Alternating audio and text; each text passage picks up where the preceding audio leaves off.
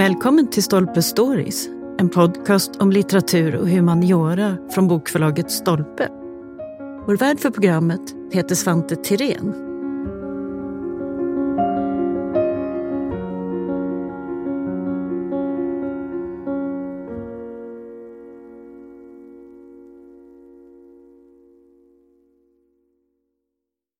Hilma af Klint är idag världsberömd för sina andliga verk med abstrakta formspråk och mystiska symboler. Men faktiskt hade hon också en mer traditionell eller till och med konventionell sida.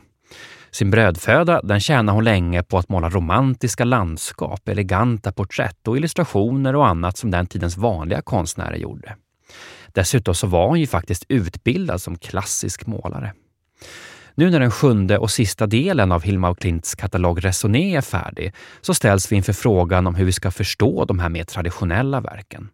Är de bara ett ointressant bakgrundsmaterial eller finns det viktiga insikter om Hilma af Klint även i de här traditionella motiven? Och hur var det egentligen att vara kvinna och konstnär under den här tiden? Det ska vi fråga konstvetaren Lena Holger som i många år forskat om just de kvinnliga konstnärernas historia. Välkommen hit Lena! Tack så mycket.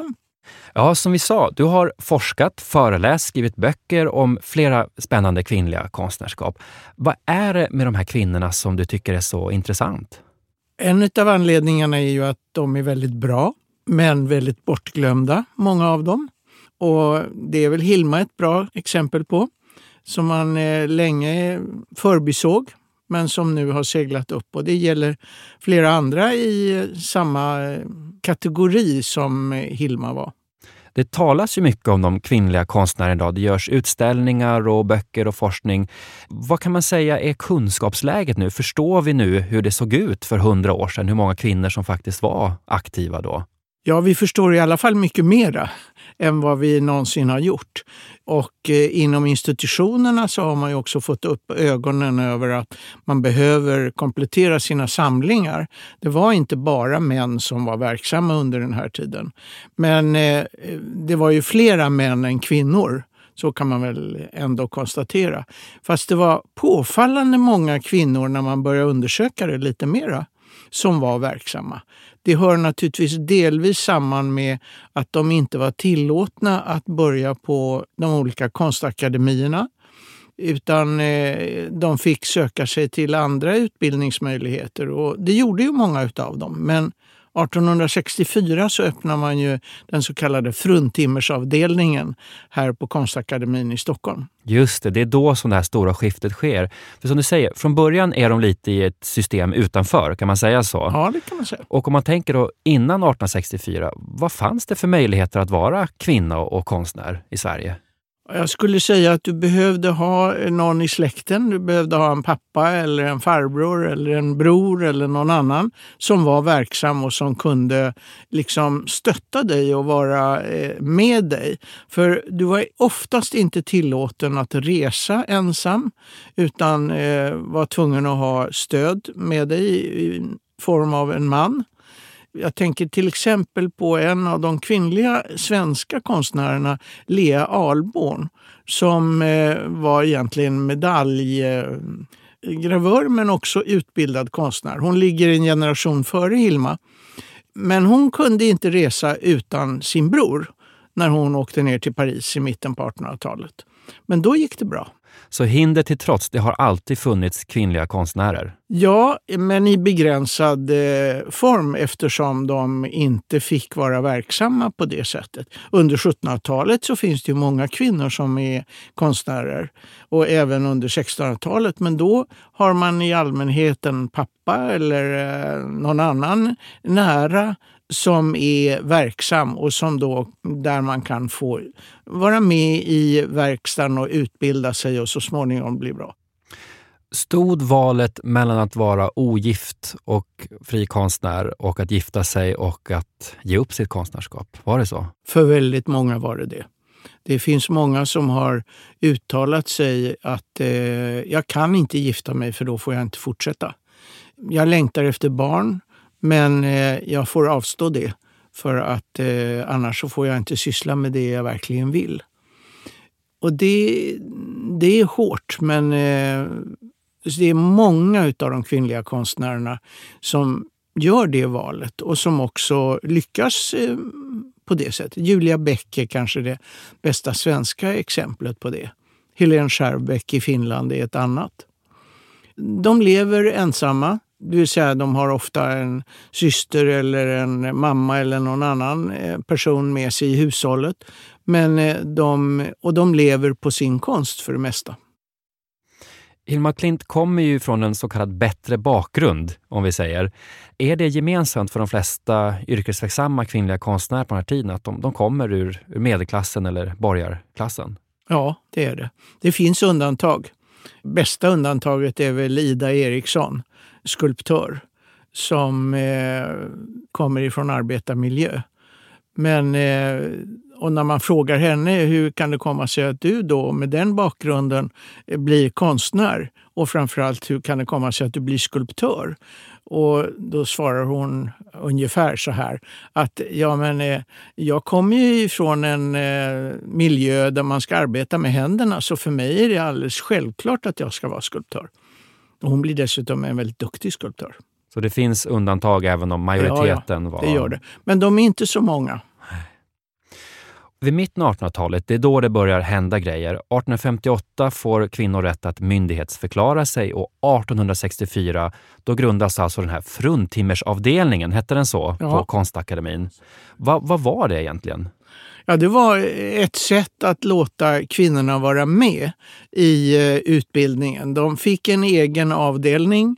De fick eh, samma lärare som eh, de manliga, men de fick inte beblanda sig med männen. Och det har att göra väldigt mycket med att när man kommer upp i den så kallade modellklassen så ska man teckna och måla efter nakenmodeller akter som man kallar det för. Och då eh, gällde det, det gick ju inte att ha en manlig modell och både män och kvinnor som sitter och tittar på det. Det, det, det gick inte. I, eh, nere i Paris så finns det en akademi som börjar att eh, tillåta kvinnor på 1860-talet också att vara med tillsammans med män och, och arbeta både med män och kvinnor. Men kvinnornas eller flickornas eh, föräldrar, framförallt de amerikanska, eh, de sa nej, nej, nej, det, det här kan inte fortgå. Så du får inte gå där för att det, det, hur ska det se ut på den giftasmarknaden sen när du har suttit där och tittat på män som hur de ser ut? Då tänker man inte på att det finns hur många eh, antika skulpturer som helst som visar hur män ser ut. Så det är lite inkonsekvent, men mm. så var det. Den tidens dubbelmoral. Kan man kalla det för. Var Sverige tidiga eller sena med att släppa in kvinnor på utbildningarna? Eh, utav de nordiska länderna så är eh, Sverige nummer två. Finländarna är före oss, ungefär 20 år. Medan eh, det är, dröjer ännu längre i Norge och Danmark. Okej, okay, så någon slags mellanposition ja. kan man säga. Ungefär när börjar män och kvinnor få likvärdiga konstutbildningar? Har de det fortfarande? Ja. ja, idag kan man väl säga att de har det. Men det tog tid. Var det separata avdelningar långt in på 1900-talet på ja, Konstakademin? det var det.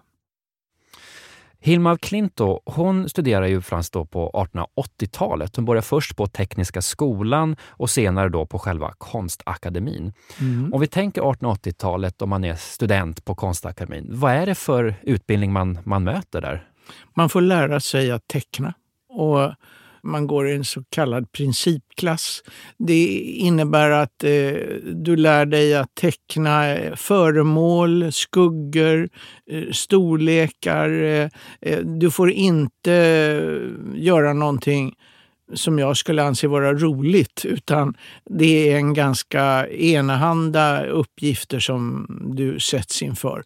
Så småningom så får du börja och titta på ornament eller eh, gipsskulpturer av huvuden och så får du rita av dem och lära dig hur proportionerna ser ut och hur skuggbildningen görs. Och det här är Hilma af Klint fullständigt fenomenal på att göra. Men det är alltså en väldigt teknisk eh, utbildning till en början. Alltså det är tecknande, teckna av och eh, göra de här ja. grunderna som, ja. som är många är år först. Ja, flera år. Flera år innan man sen ens får hålla en pensel i, i sin hand. Ja, det är ungefär tre år får man, eh, mellan två och tre år, lite beroende på lärarna. Det, det är gediget. Du har ju sett några nu av Hilma Klints studieteckningar just. Eh, hur är de? Alltså jag är imponerad av henne. Hon är verkligen skicklig. Och den här senaste volymen om Hilma som nu har kommit ut, eller kommer ut, den är, det är väldigt roligt att bläddra i den. För den följer precis år från år hur man utbildades. Hur man tecknade, vilka små saker man fick börja med och hur man så småningom kommer fram till att man får börja teckna akter, nakna män och kvinnor. Och sen så småningom får man börja måla. Men det tar alltså flera år innan man kommer upp i målarklassen. Det gäller att ha tålamod och långsiktiga planer ja, här. Jag tycker de är... Jag hade aldrig haft sånt tålamod. Nej. Hur ensam eller inte var hon då som kvinnlig elev på Konstakademin på 1880-talet? Det fanns flera. De är ett helt gäng som eh, går där. Eh, när jag säger det så är det under 10-talet. Men eh, de håller ihop och de eh, hjälper varandra. Det är inte så att de inte heller får umgås med de manliga, för det är klart att de får utanför, i den mån familjerna tillåter det. En viktig lärare som Hilma Klint möter det är ju Kerstin Cardon som inte är så känd idag. Men vem var hon? Kerstin Cardon hade en egen målarskola eller akademi eller vad vi nu ska kalla det för. Konstskola är väl det rätta ordet som väldigt många av de svenska, framförallt kvinnliga konstnärerna gick hos för att lära sig. Hon eh, administrerade, hon eh, var själv målare och hon har eh, en fantastisk inblick i hur det var att vara kvinnlig konstnär. Det finns en hel del brev kvar som Kerstin Cardon har skrivit till flera av sina elever, vänner och tvärtom. Så hon kunde både lära ut själva eh, hantverket men kanske också dela med sig av erfarenheter just hur det är att vara kvinna ja, och, och konstnär. Men hon hade ju också andra eh, lärare än bara sig själv. Mm. Går det att säga någonting, de säger 1880-90-talet då Hilma studerar och så småningom då påbörjar sin karriär. Alltså hur, hur stort är det kvinnliga communityt av konstnärer? så att säga? Hur, hur, hur många finns det? Ja, det är väldigt svårt att säga hur många som det finns, men jag har gjort en eh, genomgång av utställningskataloger från den här tiden. Man gör ju inga soloutställningar utan det är alltid samlingsutställningar. Inte heller män hade soloutställningar under den här tiden. Det kommer inte förrän i början på 1900-talet. Och där i det sammanhanget så finns det ifrån den här tiden ungefär mellan 50 och 60 svenska kvinnliga konstnärer verksamma. Och det låter som ett ganska högt antal jämförelsevis, eller? Jämförelsevis är det stort, ja. Uh Det är inte lika stort som männen, men eh, det är ändå väldigt många vi konstaterar ju att många av de här glöms ju bort senare, eller skrivs ur snarare ur historieskrivningen. Mm. Men hur tas de emot på den här tiden? Blir de uppmärksammade? Skriver man i, i pressen om de här kvinnliga konstnärerna? Alltså det rapporteras i pressen om dem. Det gör det. Att eh, de har varit med till exempel på salonger nere i Paris. Men ofta med en bisats eller eh, de är undanskymda i olika hörner. Och det är, de har verkligen ingen stor plats i sammanhanget. Så de, de är omskrivna men de har inte den här stora platsen? Jag skulle inte vilja säga omskrivna, jag skulle vilja säga att de är nämnda. De är nämnda, just det. Och inte alla utan bara några. Några få utvalda mm. får slå igenom. Om vi går vidare då. Vi har pratat precis om de här skisserna och studierna från Konstakademin och annat som du har tittat på. Men så småningom så blir det just porträtt och landskap och illustrationer. De du har sett nu här i katalogen, vad är det för konstnärskap som du ser? Jag skulle säga att det är ett gediget konstnärskap. Det är inte eh, någonting som eh, jag tycker det är eh, sådär extraordinärt speciellt. Men det är oerhört kunnigt enligt vad jag tycker så är hon bättre i akvarell och teckna än vad hon är som målare. Kanske undantaget några av eh, porträtten som hon har gjort där hon har verkligen lyckats få fram karaktären av personen i fråga. Kanske framförallt hennes pappa Viktor som hon har gjort några strålande porträtt av. Sen har hon några landskap ifrån tidigt 1900-tal som är eh, väldigt fina. Följer hon helt och hållet tidens smak eller finns det någon, någonting som är särskilt Hilma i de här traditionella verken? Nej, jag kan inte hitta det. Jag tycker hon följer tidens smak väldigt bra. Eh, hon gör de här landskapen tidigt, precis som många andra. Långsträckta eh, landskap som Alltså, eh, de kan vara eh, en meter långa medan de bara är eh, 30 centimeter höga ungefär. Precis som Julia Bäck, en annan svenska under den här tiden, gör. Och det är en idé som man får ifrån Japan ursprungligen och som också implanteras hos Hilma i viss mån, även om den inte är särskilt uttalad. Så det kanske var viktigt att nämna också att jag menar, det är ju många svenska motiv. Det är svenska landskap, det är porträtt av folk här i Sverige, men det finns internationella influenser. Absolut.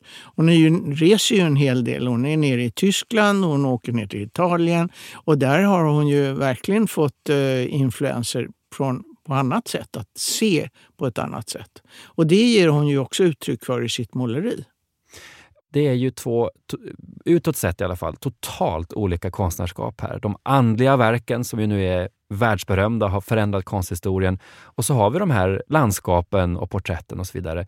Hur kan det här rymmas i en och samma person?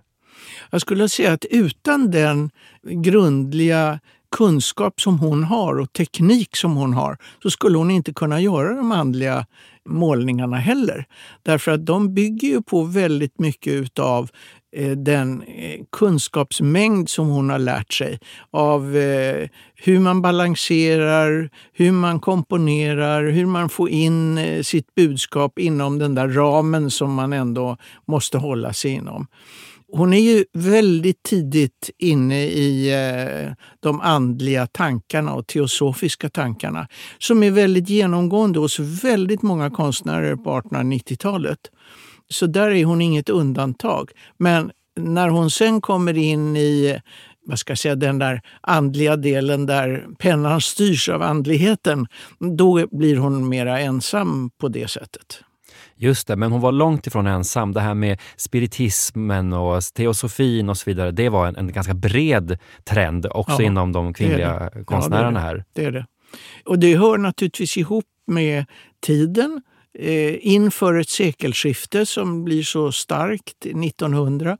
Du har en industrialisering i eh, tillvaron som är väldigt eh, omskakande för alla människor. Du flyttar in i städerna. Så behöver man eh, hålla sig till någonting och då blir andligheten eller dess olika uttryck någonting som blir väldigt väsentligt för människorna. Och sen tar det sig lite olika uttryck och konstnärerna arbetar på sitt sätt. Finns det några fler kvinnliga konstnärskap från den här tiden som du har stött på som också har en grund i det här andliga eller påverkade av det? Alltså påverkad finns det hos dem allihopa. Men det, jag känner inte till någon mera som har blommat ut så som Hilma af Klint gör i, sina skapelser som hon åstadkommer. Men det symbolistiska, alltså en annan del i det hela, det finns ju hos många. Och den jag närmast tänker på är kanske Ellen Tesleff från Finland. Vi kan väl nämna just det, för symbolism är ju en av flera motrörelser kan man väl kalla det, som är, florerar under den här perioden. Ja. vad är det symbolismen handlar om? Man kan eh, få det till att det handlar om att man ska gestalta drömmarna, om man ska försöka enkelt uttrycka det. Så man ska hitta symboler, ingångar som på något sätt väcker det här, det, ja, den andra sidan precis. eller ja. det, det drömska. Det där som, som man inte kommer åt i verkligheten. Och som står i kontrast till det här mer akademiska måleriet som är... Ja, hur då? Hur, hur är det egentligen, det här akademiska måleriet som alla reagerar mot? Ja, det är ju ganska tråkigt i jämförelsevis. Det finns ju många eh, framförallt i Frankrike så finns det väldigt många av de franska konstnärerna som med Mallarmés eh, olika texter i grunden som utvecklar eh, det symbolistiska. Och det- Redon är väl den som man kanske i första hand tänker på. Men det vibrerar verkligen av olika andliga och andra rörelser som, som är lite protesterande mot de här konventionella bildtraditionerna. Ja, alltså, I och med att eh, grunden för konstnärerna, beställardelen som är framförallt de som behöver porträtt eller kyrkorna som behöver olika delar. De har inte samma makt längre. Fotografiet tar över porträtteringarna. Eh, då har man inte alls samma behov av att göra en, eh, ett porträtt i olja. Och industrialismen eh, gör att man har behov av andra saker än vad man hade i bondesamhället dessförinnan. Så att det är sån stor skifting i samband med eh, det nya seklet. Det var ett snabbt förändrat eh, landskap som Hilma befinner sig i här. Ja, det kan man verkligen säga. Och sen kommer första världskriget 1914 som påverkar alla på ett eller annat sätt, även om inte vi i Sverige var direkt med i det. Idag så är ju Hilma som sagt världsberömd. Hon ställs ut över hela världen, men det är just de andliga verken förstås som uppmärksammas. Vad ska man göra av den här andra sidan av Hilma? Då? De har ju liksom ingen sportslig chans att få synas här, de här landskapen och porträtten. Jag tycker man ska titta på dem också. Det är ju en eh, förutsättning för att eh, Hilma har blivit den hon har blivit. Sen har inte de samma eh, genomslagskraft eftersom det finns så många andra som gör ungefär samma sak. Men de är ändå en viktig bakgrund och någonting som Absolut. eh, förklarar Jag det menar, här. utan dem skulle hon inte vara den hon är. Nej. Och det är väl det som vi har konstaterat också just tekniskt sett, att de andliga verken är ju, kan man säga att de är bedrägligt enkla? Att det finns vissa saker som verkar väldigt spontana men det ligger ju ändå ett enormt gediget hantverk bakom Absolut. allt detta. absolut. Alltså om man, när man ser dem så kan jag hålla med dig om att man tycker att vissa av dem är enkla. Men jag menar, eh, det finns ju saker som Picasso har gjort också som man tycker är väldigt enkla. Men det är de ju inte i grunden. Och utan eh, de grundliga kunskaper som de har skaffat sig i ungdomen och framåt så hade de aldrig kunnat utveckla det som de så småningom gör. Mm.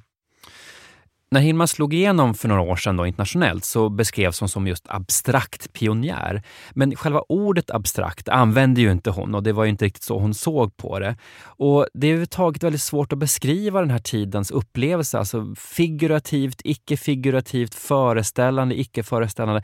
Vad tycker du vi ska använda för språk för att förstå det här skiftet som ju händer under den här tiden? Ja, men abstrakt är väl ett alldeles utmärkt eh, uttryck, även om det är vårt uttryck för eh, den typen av måleri som hon gör. Men hon är ju inte abstrakt hela vägen. Hon är inte konkret, kan man väl kalla det för. Det vill säga, det finns ju delar i hennes eh, bilder som man kan identifiera till naturdelar, som svanen till exempel. Eller eh, andra delar som hon lägger in. Så att hon är ju inte helt och hållet eh, non-figurativ. Nej, det, och det finns bokstäver och Ja, symboler visst. och, och Ja. lite annat. Så att det är ett lite vagt begrepp, men det, det finns abstrakta kvaliteter, kan man säga så? Absolut gör det det. En sak som man ser tydligt i den här sjunde delen av katalogen, det är ju rent så att säga ornamentala, dekorativa akvareller och annat. så. Hur kommer det sig att det här finns med i hennes konstnärskap? Därför att det är någonting som hon vill utforska på ett väldigt tidigt stadium. Hon börjar ju redan på 1890-talet med att undersöka hur sådana här formationer kan gestaltas. Så att eh, jag tycker det är väldigt naturligt att de finns med. Och de är ju också avstampet sen för den mera, vad vi kallar för andliga delen i hennes eh, måleri. Så de är en del i det här med att förstå urformer, växtdelar, geometri Ja, och... och henne, tänk på vad hon gjorde när hon eh, undersökte på veterinärdelen hur djur och hur innanmätet ser ut på eh, djur. Och det är ju fantastiska bilder som hon gör där. Det fanns definitivt saker att ta med sig där sen i det, i det andliga arbetet. Ja, alltså ingenting som hon har lärt sig har hon ju utelämnat när hon sen så småningom arbetar med eh, sina andliga målningar eh, där hon också väver in många delar som hon eh, kan hämta ifrån den här tiden. En annan uppgift hon ägnade sig åt det var ju botaniska illustrationer, alltså av växter. Är det en, en, en vanlig syssla för en konstnär i hennes ställning? De konstnärer som har förmågan att se det botaniska så behövs de. För att, eh, de behövs för att illustrera. För att eh, fotografiet har inte utvecklats så mycket ännu. Så man behöver se hur eh, växter ser ut och vända och vrida på dem och räkna pistiller och så vidare. Och hur växter de? Eh, hur många frön finns det? Och så, hela den delen, alltså den närsynta konstnärsögat som kan gestalta hur en blomma eller en, eh, ett sädeslag ser ut och som ju också Hilma gör så strålande. Det finns flera konstnärer senare som har fortsatt i den eh, andan. Så det botaniska det är en särskild kategori delen, som, ja. som har varit viktig. Det finns ju också illustration med i den här katalogen och eh, det var också ett fält som många kvinnliga konstnärer var aktiva inom, va? Det stämmer. De eh, blir anlitade utav jul... Eh, Jultidningar, reklam, Jultidningar, böcker. reklam, illustrationer eh, utav till exempel inledningar till olika böcker böcker, eh, anfanget som behöver kanske en illustration. bokstaven där. Ja, början. Sagor va? Eh, ja, det också. De, många av dem eh, får en inkomst på det sättet och gör gärna den delen. Hilmas illustrationer, de som finns med i katalogen, är det samma sak där? De följer lite grann tidens smak så att säga? Hon anpassar sig. Hon är, hon är bra på att anpassa sig. Hon sticker inte ut överhuvudtaget tycker jag i sitt eh, konventionella måleri.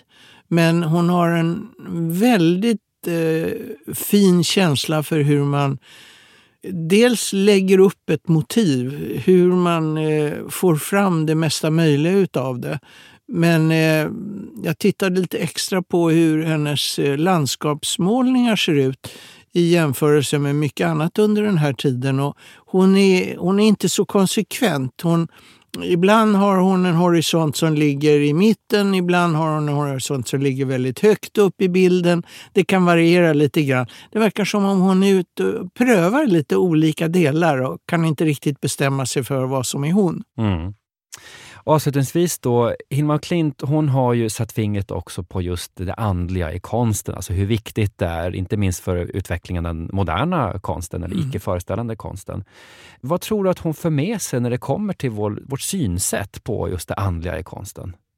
Jag tror att hon vidgar våra begrepp om eh, hur man kan uppfatta konst överhuvudtaget. Så att man kan få vara delaktig i det man ser på ett helt annat sätt.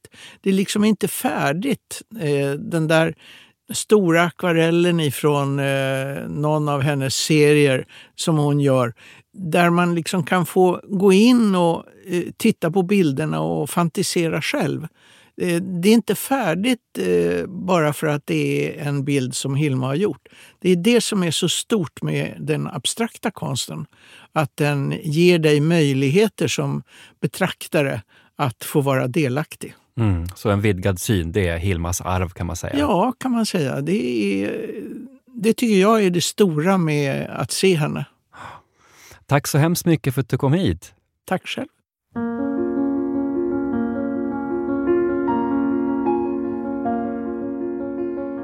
Tack för att du har lyssnat på Stolpe Stories.